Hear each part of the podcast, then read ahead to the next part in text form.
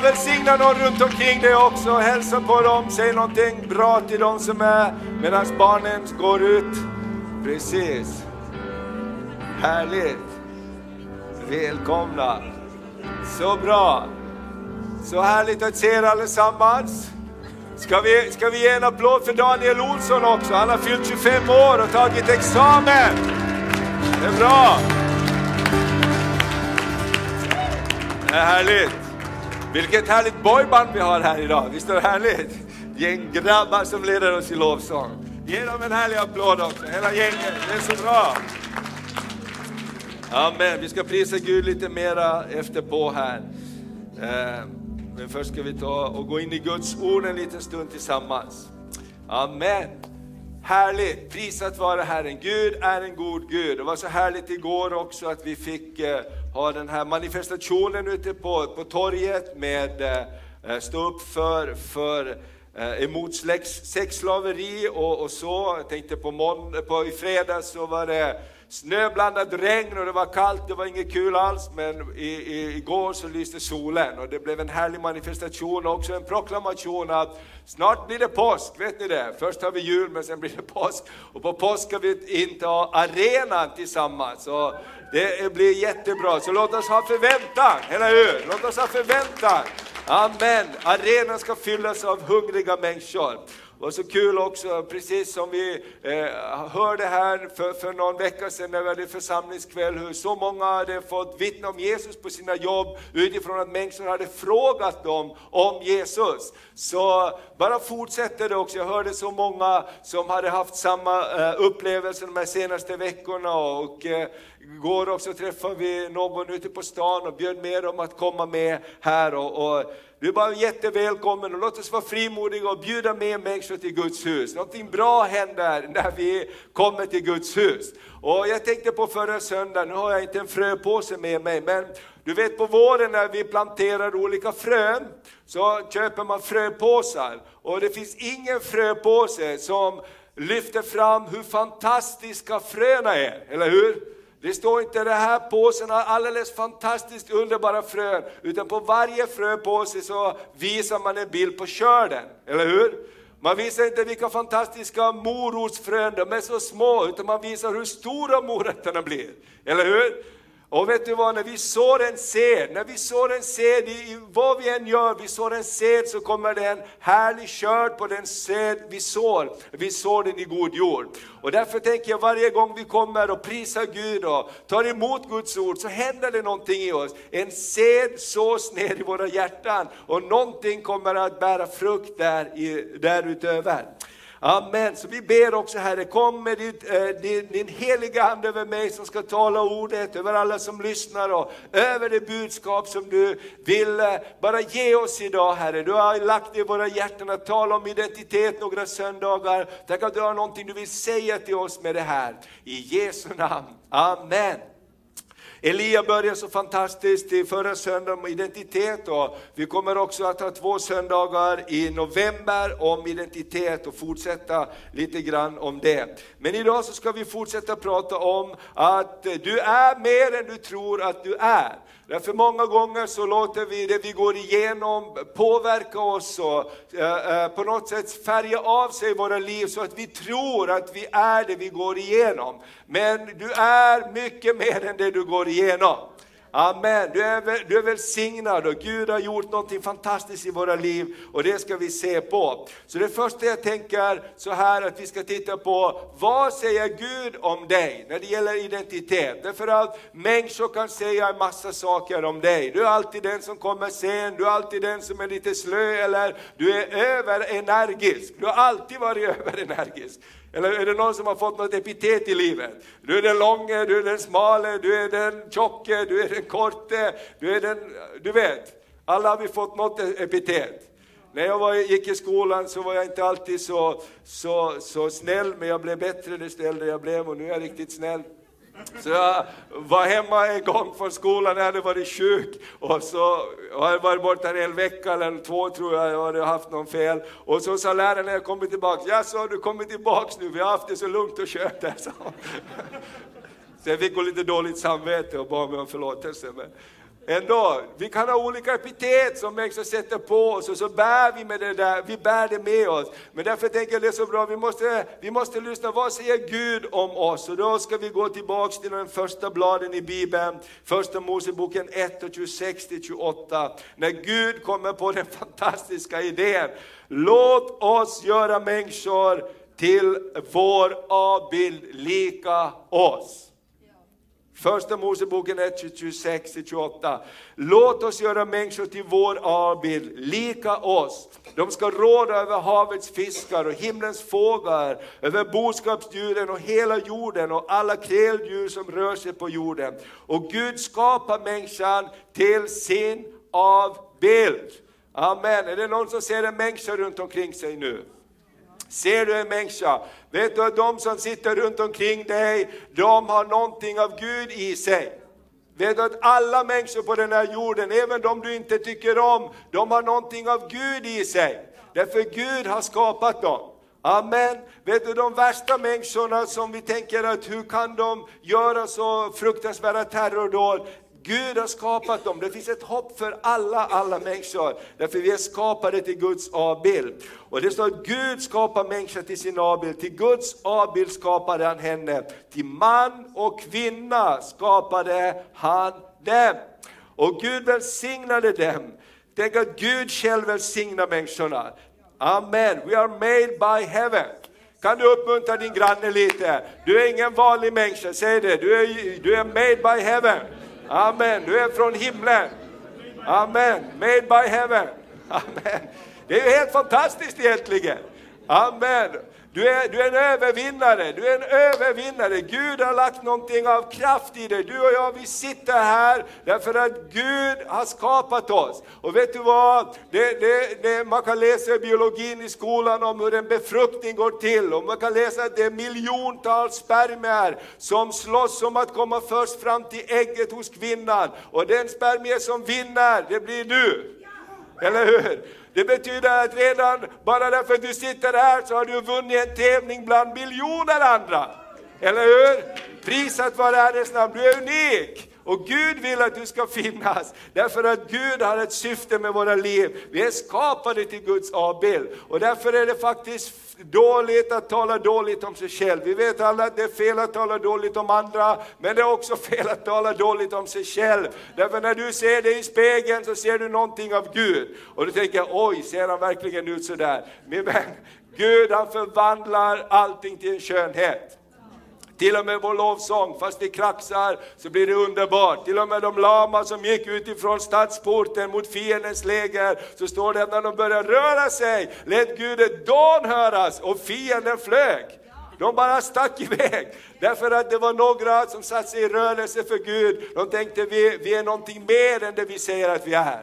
Eller hur? Så jag bara tackar Gud för att Gud har skapat oss. Amen. Jag tackar Gud för att Gud har skapat mig.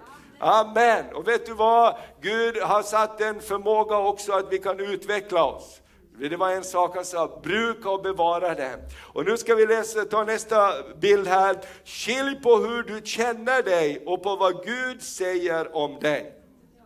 Vi måste skilja på hur vi känner oss och på vad Gud säger om oss. Hela Bibeln är full av de berättelsen. Du är mer än det du känner. Gud ser någonting mer i dig för han har skapat dig. Och Salta salmen 139, den är helt fantastisk. Har du din Bibel med eller din telefon eller padda eller någonting du kan läsa på, så slå upp den i Saltaren 139. För den Salta salmen är helt underbar.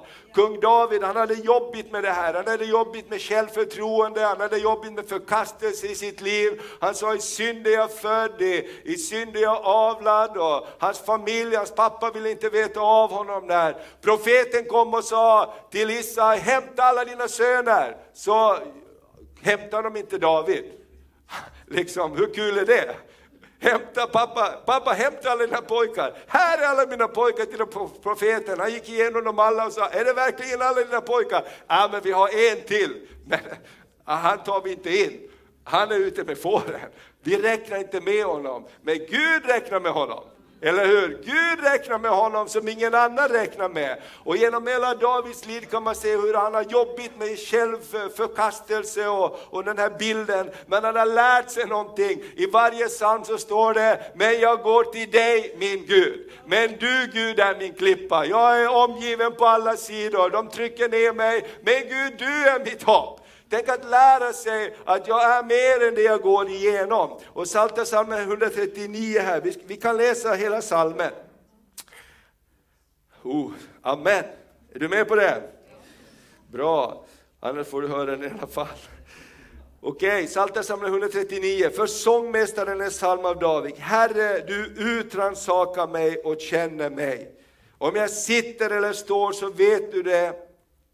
Du förstår mina tankar fjärran ifrån. Om jag går eller ligger utforskar du det. Med alla mina vägar är du förtrogen. Innan ett ord är på min tunga så vet du Herre allt om det.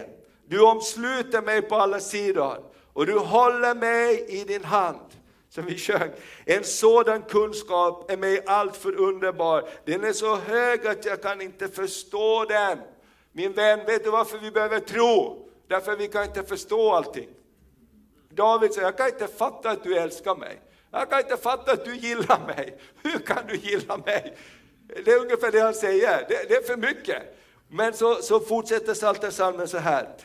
Vart, I vers 7, vart ska jag gå för din ande, vart ska jag fly för ditt ansikte? Om jag far upp till himlen så är du, bäddar jag åt mig, i dödsriket så är du där. Tar jag morgonrodnadens vingar, gör jag mig en boning ytterst i havet, så ska också där din hand leda mig och din högra hand fatta mig. Om jag säger må mörker falla över mig och ljuset blir natt omkring mig. Alltså om jag går igenom depression, om det är jättejobbigt, om jag säger låt ljuset, vad står det här?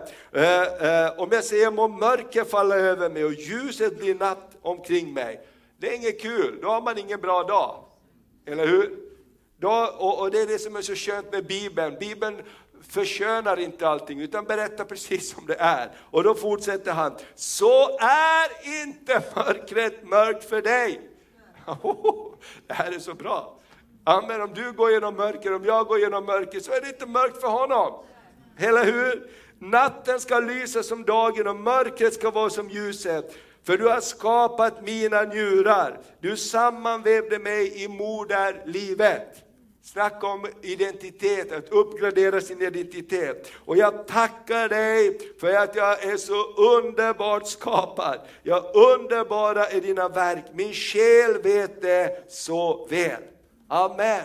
Tänk att säga det om sig själv. Det är för mycket, jag fattar inte hur du kan älska mig, men jag vet att jag är skapad underbart, för jag är skapad i din avbild. Benen i min kropp var ej osynliga för dig, när jag formades i det fördolda, när jag bildades i jordens djup. Dina ögon såg mig när jag ännu var ett outvecklat foster. Alla mina dagar blev skrivna i din bok. De var bestämda innan någon av dem hade kommit. Hur outgrundliga är inte för mig dina tankar, Gud? Hur stor är inte denna mångfald? Min vän, ibland säger vi så här, ja, ja, jag förstår inte, jag kan inte tro för att jag inte förstår. Och jag bara säger så här, vem vill ha en Gud som är så liten att du kan förstå honom? Eller hur? Ja, jag är min Gud, jag fattar allting om honom. Han kan göra bara det jag förstår. Det, vem vill ha en sån Gud? Gud är mycket större, han är ofattbart stor. Det är därför han kan göra mirakler. Han bryr sig inte om vad vi säger. Men så kan man inte göra. Jo, det kan man visst. Jag kan dela Röda havet om det behövs. Om du säger att solen står stilla för att jag har ett jobb att göra så kan han låta solen stå stilla. Eller hur? Han kan låta vatten komma ur klippan. Han kan låta den döde uppstå. Amen. Därför att han är Gud. Amen. Och hur förklarar du det? Det går inte att förklara. Eller hur? Och det är därför Gud är Gud. Amen. Han är fantastisk. Det är därför det är så fantastiskt att be till Gud. Gud kan göra saker och Gud verkar bakom kulisserna. Åh, halleluja, därför är det inte kört med Sverige. Därför att det kan se kört ut, men det är inte kört. Det är inte kört i ditt liv. Oberoende vad du går igenom just nu, så kan han göra det mörkret till någonting ljust. Amen. Och sen så kommer det en del av frustration av David, han är bara så less på allt runt omkring sig. Och i vers 19 säger jag, Gud om du ändå ville döda de ogudaktiga, låt de blodtörstiga vika ifrån mig. Det var liksom, hur många gånger känner inte vi så? Gud bara ta bort alla jobbiga saker. Bara, bara försvinn. Och jag, jag bara kommit fram till det, det kommer aldrig att vara riktigt bra i våra liv. Eller hur? Någonting är bra, ja då är ju någonting annat som inte blir så bra. Och kan vi, lever vi bara efter att allting ska vara bra, fy vad jobbigt vi får det. Eller hur? Och nu är det allting känns bra, rör ingenting, rör ingenting, bara allt är så bra. Men det är ju, det, så är ju inte livet, eller hur? I den här veckan, Marias mamma, min svärmor, har gått hem till himlen, någon annan har firat födelsedagen, någon annan har firat dagen att någon har fått ett barn den här veckan. Det händer så jättemycket hela tiden. Och Gud vill säga, ha din förtröstan i mig. Lär dig att din identitet är inte allt vad som händer runt omkring dig. Din identitet är det som finns på insidan av dig. När Gud bor på insidan av oss. Amen. Halleluja! Och jag, jag bara kommer tillbaks till den här meningen som utmanar mig så mycket här i höstas. Be att Gud förändrar ditt hjärta Thomas, med dina omständigheter. För om Gud förändrar våra hjärtan, om Gud får bli stor på insidan, då kan vi faktiskt gå igenom en massa olika omständigheter. Och sen tycker jag David avslutar den här salmen på ett skönt sätt. Han säger så här. Eh, och han säger i vers 22, han hatar dem och så vidare. Ja men, pang, så säger så. Men så säger han vers 23, utransaka med Gud. Han slutar inte där. Han säger, utransaka mig Gud och känn mitt hjärta. Pröva mig och känn mina tankar. Se till om jag är på en olycksväg och led mig på den eviga vägen. Därför alla våra vägar leder inte till bra. Alla våra känslor leder inte till ett bra slut. Jag tycker det här Davids attityd, Gud se till mitt hjärta, känn mina tankar, om jag är stad på en olycksväg, hjälp mig in på den rätta vägen. Eller hur? Därför Gud har någonting bra i förberedelse, men också bara den här självinsikten att allt jag känner och tror är inte alltid så bra. Hur många gånger hur många har varit med om någonting, du, det här kändes verkligen bra och så blev det dåligt? Eller hur? Jag tycker det, det, känslor är verkligen ingen bra liksom, grej alltid va, att lita på. Nu känns det verkligen bra. Jag kommer ihåg Svante Ruman och vi, hjälpte skulle hjälpa honom att köpa en segelbåt. Och han, han, han hittade en segelbåt i Finland och så köpte han flygbiljett och åkte till Helsingfors. För det, det, det här känns väldigt bra Thomas, sa han. Och jag bara skrattade, ja, vi får väl se sa jag. Och så kom han dit och så var det inte alls så bra som man tänkte. Det var inte alls så bra. Jag kommer ihåg senare så pratade vi om det, och sa, det enda jag vet det är att man kan inte gå på hur det känns. Det kan kännas jättebra, men det är ändå behöver vi den här bönen. Men Gud, känn mina tankar. Se till om jag är stadd på en olycksväg och led mig på den eviga vägen. Amen. Nu går vi vidare här. Bibeln är full av berättelser om sådana här personer som fick byta bild om sig själv till Guds bild. Gideon till exempel i Domarboken 6. Och från vers 11 och 16, vi bara gör ett litet nedslag där. Men jag tänker på Gideon. Gideon, eh, han, hitta hittar till bild där kanske. Gideon. Gideon fick byta bild om sig till Guds bild. För Gideon han var ju, eh, levde i en omständighet och hur ofta är det inte så att omständigheterna präglar oss så mycket att vi tror till sist att det är som det är. Eller hur? Alla har vi läst de här berättelserna om, om, om elefanten som när de är små så binder de dem hårt med, med ett band så att de inte kan röra sig och när de blir stora så räcker det med det lilla bandet. De tror att jag kan inte röra mig. Eller lejonet som alltid har varit i en bur eller alla de här, när man öppnar buren så går de inte ut. Därför de vet inte om att de är skapade för frihet. Och Gideon han hade så här, deras, deras eh, familj och deras släkt och hela Israel, de har varit i fångenskap, det har varit nederlag så länge, så han trodde det finns ingen riktig seger. Vi är skapade att leva så här. Och det står att Gud kommer till honom eh, det står så här ifrån vers 11. Herrens ängel kom och satte sig under terebinten vid Ofra som tillhörde Abisriten Joash. Dennes son Gideon höll på att klappa ut vete i vinpressen. Bara där är ju någonting fel. Eller hur? Jag höll på att klappa upp på vetet i vinpressen. Eh, och varför? För att gömma det för midjaniterna. För honom uppenbarade sig Herrens ängel och sa till honom, Herren är med dig, du tappre stridsman. Snacka om fel budskap. Eller hur? Jag är så rädd att fienden ska komma så jag vågar inte ens klappa ut vete där vi ska göra det. Jag håller på i vinpressen så inte fienden ska få tag på någonting. Och Gud kommer att säga, bra där! Herren är med dig du tappre stridsman. Wow, vet du vad det här säger mig? Det säger mig att allt jag tror om mig själv är kanske inte sant. Allt du tror om dig själv är kanske inte sant. Det kanske finns någonting mer. Jag behöver ett amen här. Amen. Halleluja, för det finns någonting mer. Därför vi är helt präglade av det. Vi lever i Sverige, vi lever i en så sekulär, sekulariserad värld. Det var ett långt ord det där. Sekulariserad värld, så vi tror att det är så här. Eller hur? Men det finns någonting mer. Halleluja! Och så kommer vi lite längre fram här. Herren är med dig du tappre stridsman. Gideon svarade, Gideon svarade honom, O min Herre, om Herren är med oss, varför har allt då detta drabbat oss? Och var är alla hans under som våra fäder har berättat och sagt? Se har inte Herren fört oss upp ur Egypten, men nu har Herren övergett oss och gett oss i midjaniternas land. Då vände sig Herren till honom och sade, gå i denna din kraft. Vilken kraft? Eller hur? Han klagar ju bara. Men Gud ser någonting mera i oss. Gud ser någonting mera i dig min vän. Kom igen, Gud ser någonting mera i sitt folk än det vi ser i oss själva. Amen, och han säger så här, gå i denna din kraft och fräls i Israel och midjaniternas våld. Så jag har sänt dig, han svarade, O Herre, hur ska jag kunna rädda Israel? Min ett är det mest obetydliga i Manasse och jag är den yngste i min fars hus. Herren sa till honom, jag är med dig och du ska slå midjaniterna som de är en enda man. Gud profeterade om honom. Och du vet själv när du läser historien hur Gud kommer till honom och han lägger ut ull och han testar Gud och hans tro växer. Och sen så får han en hel, ett helt stort gäng med sig och Gud säger det är för många. Det är för många, det är för många.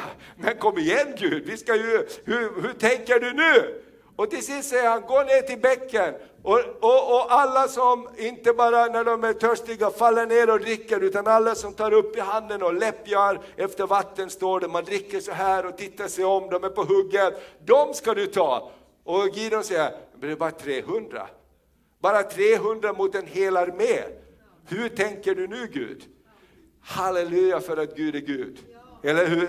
Amen. Halleluja för att Gud är Gud. Gud är Gud och han säger vänta så ska du få se vilken seger jag ska ge till dig. Amen. Jag bara känner att Gud behöver uppleva trons ande i våra hjärtan. Gud behöver uppleva trons ande när det gäller Sverige, när det gäller Örnsköldsvik, när det gäller våra omständigheter. Vet du vad? Vi är inte skapade att vara så här. Vet du vad, genom hela historien så har Gud kommit i de mest oväntade tiderna. Vet du vad, för drygt hundra år sedan så blev det en andeutgjutelse över världen. Pingste-elden började brinna. Snacka om oväntat. Vet du vad Gud sa? Jag vill komma och beröra världen. Vem ska jag använda? En blind, färgad man som heter Simon. På den tiden fick de inte ens komma in. Han fick sätta utanför dörren.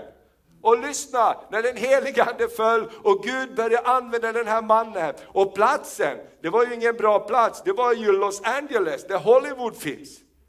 Senare kom fram, där sa Gud, ska jag börja sända en väckelse som ska beröra hela, hela världen.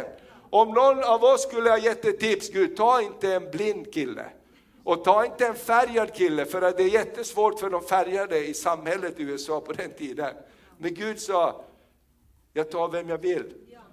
Amen. Jag menar så här, så har det varit genom hela, hela historien. Vet du vad Gud använde en man som hette Lestadius, Lars Levi Lestadius, för att rädda hela norra Sverige som höll på att supa ihjäl sig. De små barnen frös ihjäl för att föräldrarna var fulla, de satt inte ved inne i spisen på vintrarna, så när de vaknade upp så hade barnen frysit ihjäl. Och Gud sa, gå och börja predika för dem. Han var också en vetenskapsman, han skulle göra olika andra saker, men han började predika omvändelsens budskap. Vet du, i hela historien har Gud använt icke eh, icke vanliga, icke vanliga eller sådana oförutsägbara personer till att göra någonting stort. Amen. Och vet du vad Gud vill göra? Han vill göra det igen, igen, igen. Amen. Så Låt oss bara vara som Gideon, byta bilden om vem, vad Gud kan göra. Amen. För jag hör det hela tiden och jag hör om ledarskap, jag läser olika artiklar i tidningarna och man säger, man, man trycker ner egentligen visionärt frimodigt ledarskap och man trycker ner tron också. Och vet du vad vi behöver idag? Vi behöver visionära församlingar, vi behöver visionära ledare, vi behöver ett visionärt folk som ser någonting mera än det som är just nu. Vi hör någonting mera, vi ser någonting mera på insidan av oss. Amen. Och det är det vi kallar på det är det vi ber för. Halleluja! Vet du vad? Helige Ande har aldrig kommit till nationer och länder när allting har varit på topp. Han har alltid kommit och berört. Det här Sveriges land var ett av Europas fattigaste, folk började flytta härifrån, det så att man söp och det var elände och Gud började röra vid människor, Gud började komma med väckelse. Hur var det i London med William Booth? Gud började använda en vanlig man i ett helt, helt, helt, helt samhälle som var totalt helt enkelt nedsupet. Och där börjar Gud börja göra under. Så min vän, låt oss inte bara titta på hur allting är runt omkring oss. Låt oss titta på vad Gud visar. Låt oss tänka att Gud kanske säger till oss som han säger på, till Gideon, res på dig. Det finns mera i det än du tror. Amen. Kan du säga till din granne, det finns mera i det än du tror. Amen. Tack gode Gud för det. Halleluja. Nu tar vi nästa bild här. Amen. Paulus, från mördare till apostel. Alltså när vi tänker om Paulus så tycker vi Paulus är så fin, han skriver så fina saker. Men om Paulus skulle leva idag så skulle vi tycka att han skulle vara en taliban. Alltså, eller hur? Han skulle vara värsta IS-krigaren. Om Paulus skulle leva idag, det står att han andades mordlust. Han var mera fylld av mordlust än någon av sina medbröder. Han sa, jag vill till och med gå till grannländerna, till grannstäderna, för att söka någon där som tror på Jesus för att också döda dem. Eller hur? Vi skulle kategorisera honom som en värsta terrorist idag. Men vet du vad Gud såg? Gud sa någonting, såg någonting annat i Paulus. Gud såg någonting annat i Paulus. Prisat vare Herrens namn. Vet du vad Gud ser någonting annat i dem som inte vi ser någonting annat i? Gud ser någonting mer. Och låt oss läsa första Korinthierbrevet 15 här, 19-10. Så står det så här, Paulus vittnesbörd om sig själv. Jag är ju den minste av apostlarna, inte värd att kallas apostel, eftersom jag har förföljt Guds församling. Men genom, vad står det här? Genom Guds nåd är jag vad jag är. Amen. Och hans nåd mot mig har inte varit förgäves, utan jag har arbetat mer än de andra, fast inte jag själv, utan Guds nåd som varit med mig. Amen. Guds nåd verkar. Och det är någonting som vi aldrig får glömma, Guds nåd. Amen. När du och jag ser på oss själva så tänker vi det är inte möjligt. Vi kanske ser på andra, vi tänker det är inte möjligt. Då glömmer vi en väldigt viktig ingrediens, Guds nåd. Amen. Och han säger i Filipperbrevet 3 och vers 13 till 15 så här. Bröder, jag menar inte att jag har gripit det än, men ett gör jag han talar hela det här kapitlet om hur bedrövlig han har varit. Men ett gör jag, jag glömmer det som ligger bakom och jag sträcker mig mot det som ligger framför. Jag jagar mot målet för att vinna segerpriset Guds kallelse till himmelen i Kristus Jesus. Så ska vi tänka, vi som är eh, mogna, och tänker ni annorlunda i något avseende så ska Gud också uppenbara det för er. Amen. Identitet. Paulus kunde säga, jag är en mördare. Men han kunde säga, jag är rättfärdiggjord genom tro. Eller hur? Min synd är förlåten. Amen. Paulus sa, jag har blivit funnen i Kristus Jesus. Jag har blivit funnen i honom. Han har förlåtit mig min synd. Är det någon som talar om Guds kärlek? Korinthierbrevet 13, kärlekens lov. Vem är det? Det är den här killen som var en terrorist som Gud frälste. Du vet Ananias som skulle gå till honom, han, han, Gud fick övertala honom. När, när, när Saulus beslag med blindhet och kom till staden och så sa Gud till en av lärjungarna, du ska gå dit till det huset för där är Saulus av Tarsus och han ber. Och han sa aldrig i livet att jag går dit, han är ju en mördare. Och Gud sa till honom, jag ska visa honom hur mycket han ska få lida för mitt namns skull. Då gick han. Det är ganska kul att se. Okej, okay, då kan jag gå. Och det står att han bad för honom och hans ögon öppnades och han blev döpt. Och du vet Paulus story. Men låt oss inte glömma när vi går igenom saker, när vi ser saker som ser omöjliga ut. Hur många hade tippat på att Paulus skulle bli apostel? Hur många böner bas för det när de kristna gömde sig för att inte han skulle få tag på dem? Men Gud såg någonting annat. Amen. Låt inte det som vi går igenom identifiera vad Gud kan göra. Amen. Priset vare Herrens namn. Nu ska vi titta på någonting annat. Jag tänker så här, vi kan ta nästa bild. Ja, ja, ja, jag tänker, Gud kan göra så mycket mer. Den här killen, eh, Nick här, han är från Australien, han föddes utan armar och eh, ben. Och för, för, för mig och för oss har det blivit lite intressant det här, därför att min brorsa fick en son för snart eh, 14-15 år sedan, tiden går fort, David, och när han föddes så föddes han utan armar och det var helt oförberett också. Jag vet min brorsa, han svimmade också när han såg att barnet kom ut och, och det hade inga armar och de bor ute i havet, långt ute i skärgården. Han bara tänkte, hur ska, man klara, hur ska grabben klara sig utan armar? Man behöver armar hela tiden. Och det var så svårt. Men, och då till exempel den här killen, storyn om den här killen är helt fantastisk. Jag kan läsa lite om honom om Nick utan armar och ben. Trots att, trots att han föddes utan armar och utan ben, så har Nick inte låtit sin fysiska begränsningar hindra honom för att njuta av stora äventyr, en tillfredsställande karriär och kärleksfulla relationer. Han var mer än han trodde att han var. Han föddes utan lemmar, Nick föddes utan armar och ben. Vid förlossningen blev hans far så chockad att han fick lämna sjukhusrummet för att gå ut och kräkas. Hans förtvivlade mamma kunde inte förmå sig att hålla i honom förrän han var fyra månader gammal.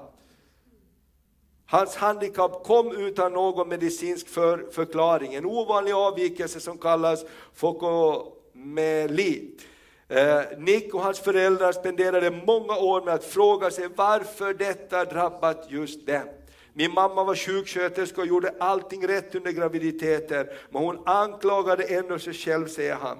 Det var så svårt för dem, men redan från början gjorde det allt för att jag skulle bli självständig. Min pappa tog med mig till simbassängen vid 18 månaders ålder och gav mig modet att lära mig simma. Nicks pappa lärde honom att skriva med tån redan vid sex års ålder. Du ser att han har en liten tå på ena, ena benet som sticker fram där. Eh, hans mamma uppfann en speciell plastanordning som gjorde att han kunde hålla i en penna. Trots risken för mobbning så insisterade föräldrarna att Nick skulle gå i en vanlig skola. Det var det bästa beslutet de någonsin kunde ha fått tagit för mig, säger han om utbildningen. Som vi avslut gav honom en examen i finansiell planering och fastigheter. Det var väldigt svårt men det gav mig självständighet. Han kunde borsta sina egna tänder med en tandborste som satt fast i väggen och tvätta sitt hår med hjälp av en pumptvål, men det fanns fortfarande så mycket han visste att skulle vara omöjligt. Drömmar han kände var helt onåbara för någon som han. Nick förklarar, jag såg på mitt liv och tänkte, jag kommer aldrig att gifta mig. Jag kommer aldrig att få ett jobb. Jag kommer aldrig att leva ett meningsfullt liv. Vad för slags man kan jag bli när jag inte ens kan hålla en kvinna i handen? Och i den mörkaste timmen, när allt var, var så mörkt, han var tio år gammal, så fyllde han ett badkar med vatten och försökte dränka sig själv. Att han inte kunde genomföra självmordet berodde till stor del på att han insåg att hans död skulle slå hårdast mot dem han älskade som mest. Efter att han har befunnit sig på en så mörk plats så började Nick tänka om kring sin existens och gav snart sitt liv den mening han så längtade efter. Jesus kom in i bilden. Jag kände att allting var meningslöst. När du saknar mening och styrka så är det svårt att klamra sig fast. Men tack vare tron, vänner och familj så lyckades han ta sig igenom hindren som gjort honom till en internationell symbol för triumfen över motgångarna. När jag var 13 år så läste jag tidningen om en handikappad man som hade lyckats med stordåd och hjälpa andra, säger Nick. Som likt den mannen inspirerade honom, som också spelar golf genom att hålla klubban under hakan. Jag insåg varför Gud hade skapat mig så här, för att ge hopp åt andra. Bilden förändrades. Det var så inspirerande för mig att jag bestämde mig för att använda mitt liv till att uppmuntra andra människor och ge dem modet som min lott i livet gett mig. Jag bestämde mig för att vara tacksam för det jag hade och inte bli arg över det jag inte hade. Vad är meningen med att vara helt utanpå när man är trasig inuti? Vad är meningen med att hålla sin hustrus hand om man inte kan hålla hennes hjärta? Nick gjorde just det och, och någonting förändrades. Han reser runt idag i världen och talar inför barn, unga och vuxna. Nyligen träffade han sin fru och gift sig med sin livsstora kärlek. Någon vars hjärta han kunde hålla och som älskar honom för allt han är. De har två barn idag och ger dem den största glädjen av alla underbara saker han hittills uppnått. Det som träffar honom beskriver mötet som livsförvandlande. Jag säger åt människor att fortsätta resa sig upp när de har fallit. Att älska sig själv. Han tillägger, det är en lögn att tro att du inte duger. Det är en lögn att tro att du inte är värd någonting. Om jag kan ge hopp till bara en enda person som en uppgift i livet uppfyllt. Amen. Snacka om ett ändrat perspektiv på identitet. Amen. Du kan läsa hans bok, den är helt fantastisk. En annan bild, en annan kille som vi har haft här i Övik i vår församling också. Jag tar nästa bild. Eh, Jonas Helgesson, kommer ni ihåg när Jonas var här? Han är helt otrolig. Född, eh, han hade navelsträngen kring halsen. Under 35 minuter i hans födelse så fick han ingen luft. Han blev CP-skadad. Men Gud har använt honom på ett fantastiskt sätt. Han, hans föräldrar sa, du är inte bara det som andra sätter ett, ett epitet på dig. jag kommer ihåg det som jag har tagit med mig sedan hans föreläsning i Svedjeholmskyrkan faktiskt var, han sa, gå inte runt och säg vad du inte är. Gå inte runt och lev ditt liv utifrån det du inte kan. Gör det utifrån det du har. Han sa, du går inte till ICA med en lista på vad du inte ska handla. Utan du går och handlar med en lista på vad du behöver. Ändra på din lista i ditt liv.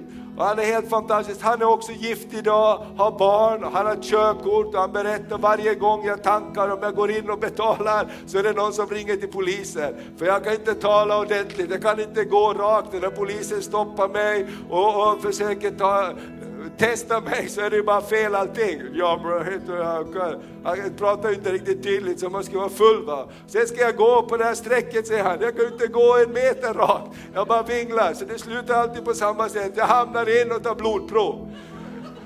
Ja, helt otroligt fantastisk kille. Och han, sa, eh, och han har börjat spela golf och han säger det är det enda handikapp jag har. Amen. En annan bild kan ta nästa bild.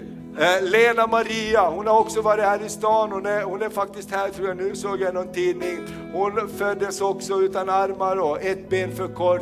Det har inte hindrat henne att sprida hopp och glädje och tro runt omkring i, i världen. Och jag glömmer aldrig när vi hade henne här i stan också, jag skulle prata med henne, och sa hon vänta ett ögonblick, jag ska bara smsa först sa hon. Och så höll hon i telefonen med ena foten och med andra foten så tån och smsar med tårna. Okej, så jag väntar. Alltså, jag tänker bara, jag tror Gud vill uppmuntra oss. Du är mer än det du går igenom. Låt inte dina omständigheter beskriva vem du är, för det finns någonting mer där. Gud är en fantastisk Gud. Och, och Jesus gav oss en ny identitet. Du kan ta nästa bild. Jesus gav människor en ny identitet. Han sa till den sjuka kvinnan som hade varit sjuk länge, denna Abrahams dotter. Amen. Men så sa, du är den. Han sa till Bartolomeus som reste sig och slängde av sin tiggarmantel, det finns någonting mer för dig. Han bytte identitet när han mötte Jesus. I andra Korinthierbrevet står det, om någon är i Kristus så har en ny skapelse, det gamla är förbi. Något nytt har kommit. Allt kommer från Gud, allt, och allt kommer från Gud som har försonat oss med sig själv genom Kristus och gett oss försoningens tjänst. Min vän, jag tror att vi behöver försona oss med oss själva ibland. Inte för Gud har redan försonat oss, men vi behöver försona oss med oss själva ibland också. Amen. Vi kan inte gå omkring och söka en orsak i allting och söka svaret och varför och varför och varför. Jag tror det finns så mycket mer. Jag tror det finns så mycket mer. Vet du, världen behöver människor som säger, ja, jag har gett upp att söka en förklaring i det naturliga. Jag har ju kommit och funnit någonting mer som är dyrbart. Jag vet att Gud är med mig, jag vet att Gud hjälper mig. Jag vet att Gud har en väg även om inte jag ser en väg. Amen. Amen. I Kristus så finns det någonting så fantastiskt. Börja säga till dig själv vad Gud säger att du är. Jag tar nästa bild. Börja säga om dig själv vad Gud säger om, du, om dig själv. I Hebreerbrevet står det med massa troshjältar, det står så här. Genom tron så besegrade de kungariken. Och så står det så här, de var svaga men de fick kraft. De blev starka och det främmande här är på flykten. Vet du vad? Om vi känner oss svaga idag, om vi känner oss uppgivna idag, om vi läser om troshjältarna så är vi samma gäng.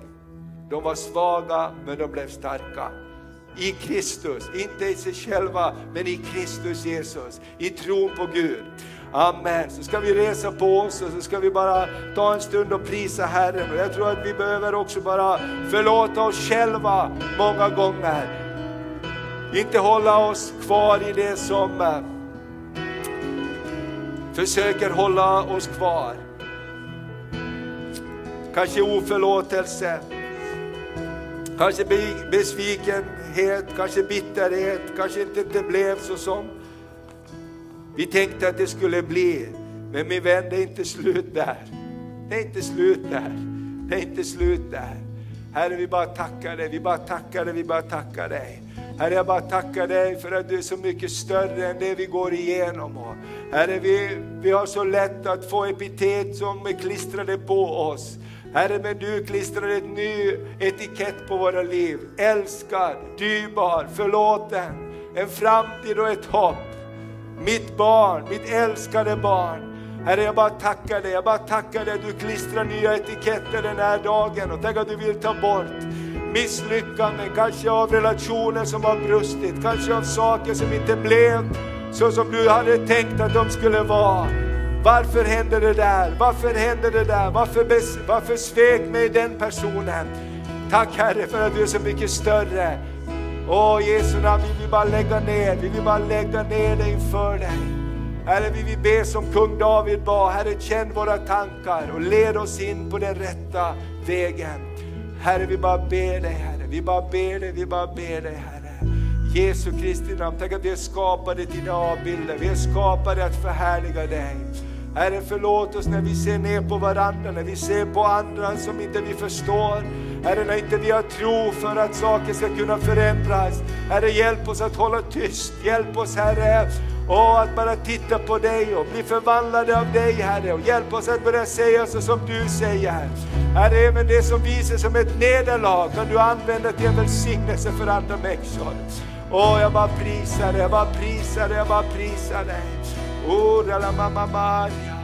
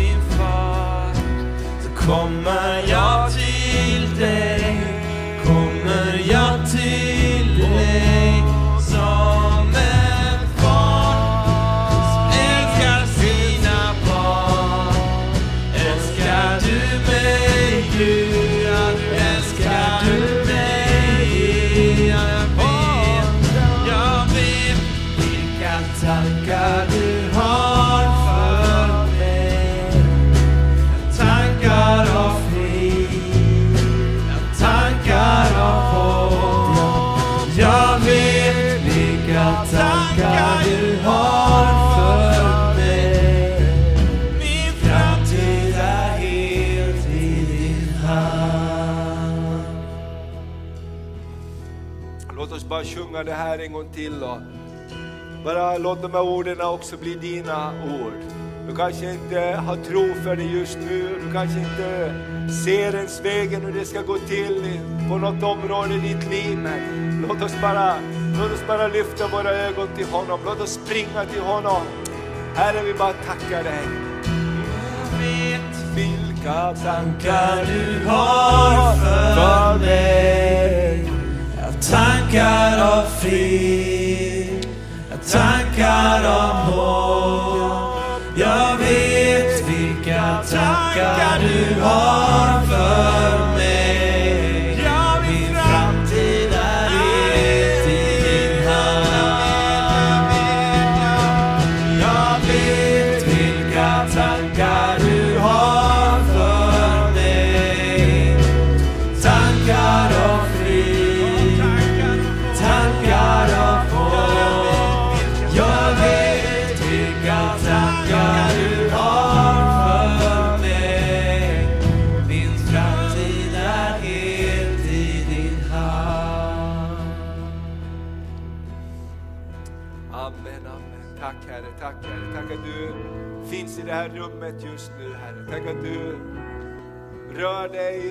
våra hjärtan, i våra sinnen och våra tankar Herre. Herre, du kanske har pekat på någonting i våra liv som du vill att vi bara ska släppa taget om. Herre, tänk att du vill föra oss in i en större mått av frihet, större mått av din närvaro. Herre, tänk att du vill bara ge oss kraften att betala ett pris, Herre, där vi inte tänker att det går att betala ett pris. Herre, du kommer, Herre. Tänk att du kommer som till Gideon, Herre. Du kommer in i olika situationer. Åh, jag bara tackar dig. Tack för förlåtelsens kraft. Det är någon där som jag bara känner också. Du behöver bara släppa taget och förlåta den där situationen, de där människorna. De som har gjort så mot någon av dina nära och kära kanske.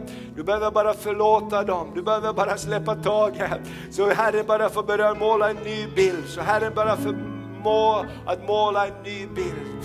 Herre, jag bara prisar dig, jag bara tackar dig Herre. Oh, ralabashi, ralamanda, ralabedi. Oh, ralababababadia. Herre, vi bara ber, Herre, vi bara ber, Herre, vi bara ber, Herre. Ge oss en ny bild om vår stad, Herre. Ge oss en ny bild, Herre, vad du kommer att göra i vårt land, Herre. Åh, ge oss nya bilder, Herre. Åh, vi bara prisar dig, Herre, i våra liv, Herre. Åh, Herre, även om inte allt blir perfekt runt omkring oss så är du alltid perfekt. Du är god och du är kärleksfull. Åh, Ralamama, Ralabedia. Låt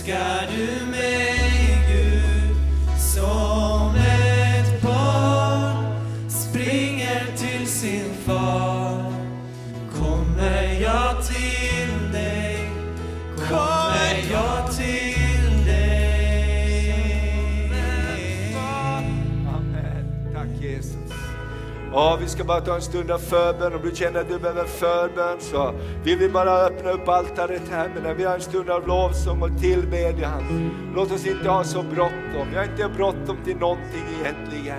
Vad är mera värt än att få en stund inför Guds ansikte? Vad är egentligen mera värt än att få finnas i hans närvaro? Vi öppnar upp altaret här och jag bara tror att det är också viktigt att ta ett steg. Kanske du sitter fast i någonting, kanske du vill lämna någonting, kanske du vill bara känna jag behöver en ny vision för mitt liv. Bara kom i Jesu namn så har vi förebedjare som står där framme också. Amen, vi bara prisar dig Herre, vi bara tackar dig så. Låt oss ha en rörelse i kyrkan den här stunden. Halleluja, vi prisar dig, vi prisar dig. Åh, vi bara tackar dig Herre. Åh, vi bara lovar dig. Shibalala, din